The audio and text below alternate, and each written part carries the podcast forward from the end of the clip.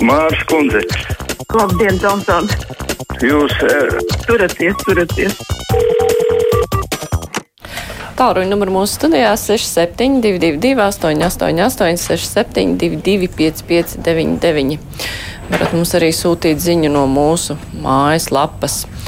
Klausītājs raksta, ka ne, viņš tā brīnās, ka iekšliet ministrijas publisko tēlu spodrina parlamentārā sekretāra Rajeva, Rajevs, kurš pirms pavisam neilga laika ir ticis saukts pie krimināla atbildības par piesavināšanos, bet noslēdz izlīgumu un atgriez valstī līdzekļu. Klausītājs brīnās par viņa atrašanos augstajā amatā. Tā, nu, jāpaceļ ir klausulē, jo tā, došu vārdu klausītājiem. Halo, esat ēterā? Labdien! Labdien! Jā, jums saka, ka vot brīvas dienas, brīvas dienas daudz esot. Pārējiem hokejiem vajag svētīgu lietu, arī dejotājiem dziesmu svētkiem svētīga lieta. Bet uh, paklausīties, bet ļoti daudz latviešu nervozē un uztraucas par ko 11. novembri nav brīva diena. Tā ir varoņa diena, kur jaunieši studenti cīnījās, lai būtu brīva Latvija. Nu, bet tiešām mūsu valdība dreb jau haidīgi, tikai nedodies tos nacionālistus uh, laist pie teikšanas. A 1. maija vajadzētu slēgt. Pēc kā mums to komunistisku svētkus vajag? Paldies par uzmanību! Paldies! Nu, pirmais mājas jau nav tie komunistu svētki. Satversmes sasaukšanas diena.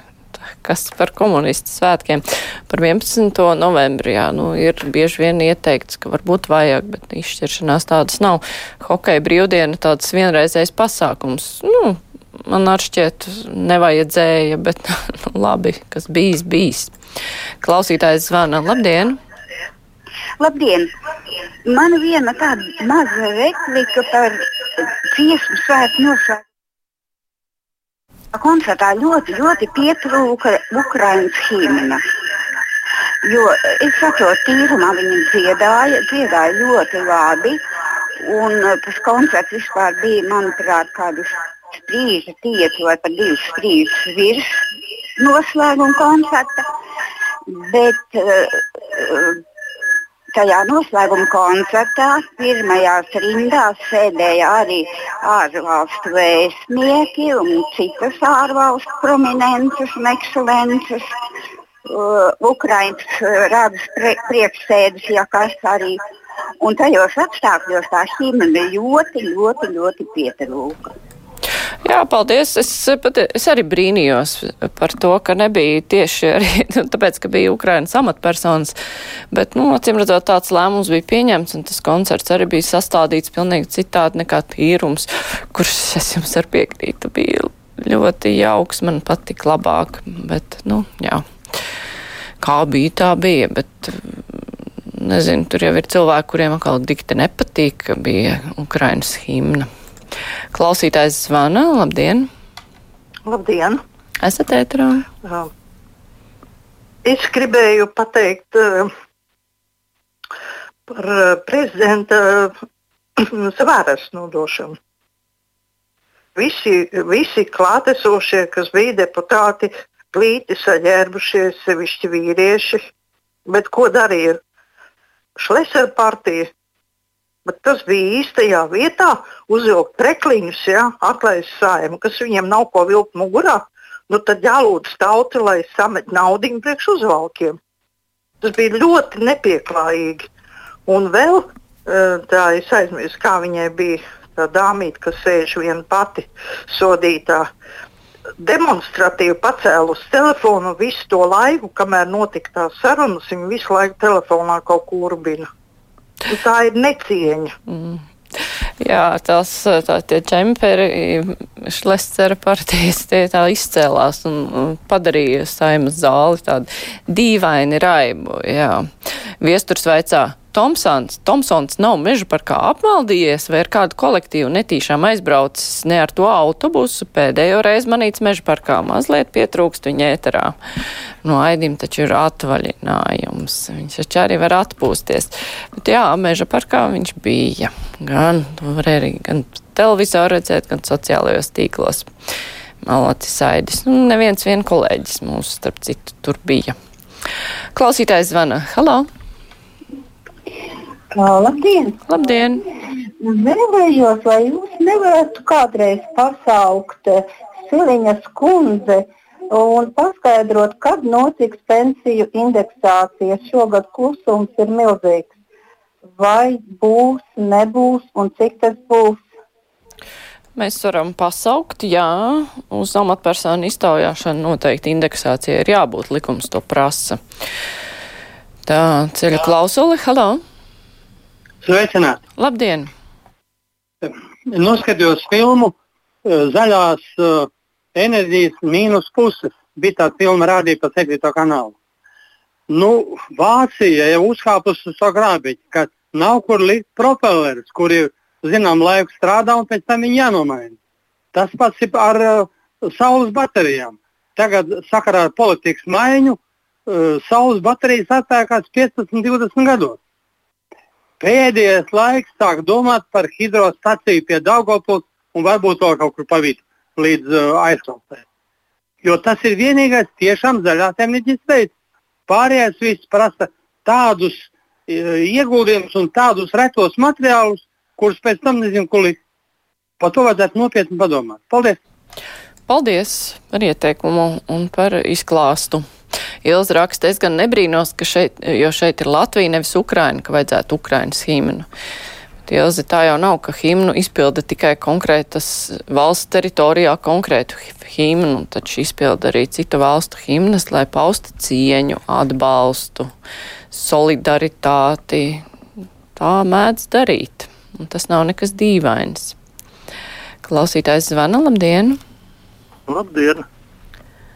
Labdien! Nesen pie jums bija, nesen pie jums bija galvenā redaktore Anita Brauna, kuru intervēja Arnis Krauze visu cieņu viņas darbam.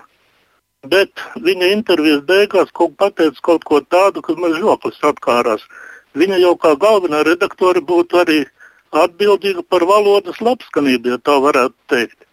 Bet viņa pateica kaut ko tādu, trendīgi ir podkāsti. Tā tad atliek viņai novēlēt trendīgi strādāt līdz termiņa beigām. Lai veicas! Paldies! Nu, jā, tas ir tāds izplatīts vārds mūsdienās. Nu, ko lai saka? Agita raksta pilnīgi piekrītu par zvēresta nodošanas dienu. Tādā veidā gan konkrētā partija, gan Grevcova demonstrēja attieksmi nevis pret Rinkēviču, bet pret Latvijas valsti kā tādu. Nu, kam vēl tas nav skaidrs? Pacaušu klausuli. Halo! Halo, labdien! Labdien! Jā, nu ir tā, ka, nu, kā mēs zinām, tagad e, diezgan daudz mazās e, lauku skolas vērs ciet. Bet, ja paskatās varam ministrijas mājaslapu, tad 27. jūnijā ir pieņemts tāds lēmums, e, ka trīs gadu laikā tērēs 6 miljonus remigrantu darba, vie, darba vietu radīšanai, izvietošanai nu, stimulēt to remigrāciju. Bet kur tad tie remigranti mācīsies, ja skolas aiztaisīs aizvērs? Nu jā, nu, ja kaut kur parādīsies ļoti daudz remigrantu, tad jau droši vien domās, kā to risināt. Bet, nu, jā. Labi, ceļu klausulu, labdien, esat ēterā. Labdien! Labdien! Jums zvanāja Ziniet, es gribēju parunāt par mūsu pedagoģu prasībām. Viņiem jau tā tik ļoti palielināja algas un visu, ko, ko lai saka mūsu eh, tie deju kolektīvu vadītāji, kordiriģenti, pūteju orķestru vadītāji, kas visus tos garos gadus tik zemu atalgojumu strādājuši.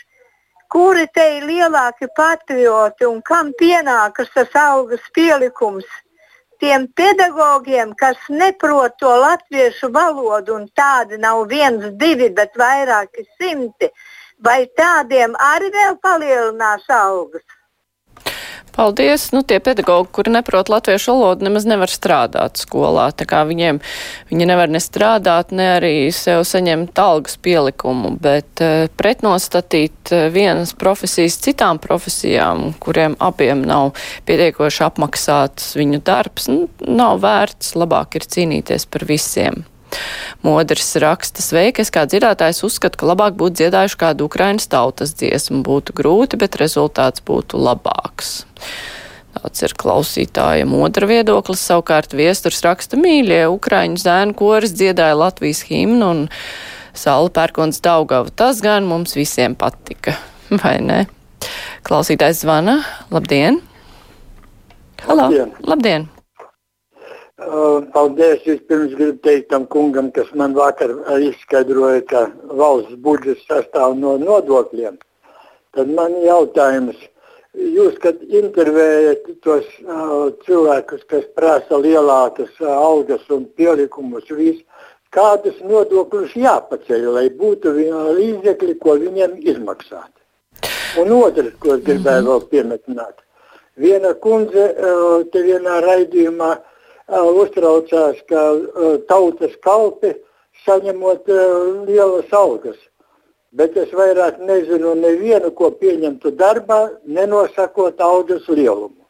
Mēs runājam, ievēlam deputātus un tikai pēc tam brīnamies, ka viņi sev pieprasa tik lielas algas. Paldies! Jā, paldies nu, par to pirmo jautājumu. Tomēr, ja cilvēks kāda profesija, kādas nozars pārstāv, prasa sev algas pielikumu, tas nenozīmē, ka viņiem pašiem ir jāpasaka, ka budžets e, jāizvērtī un jāpasaka, kur viņi redz to finansējumu. Tas nav viņu uzdevums.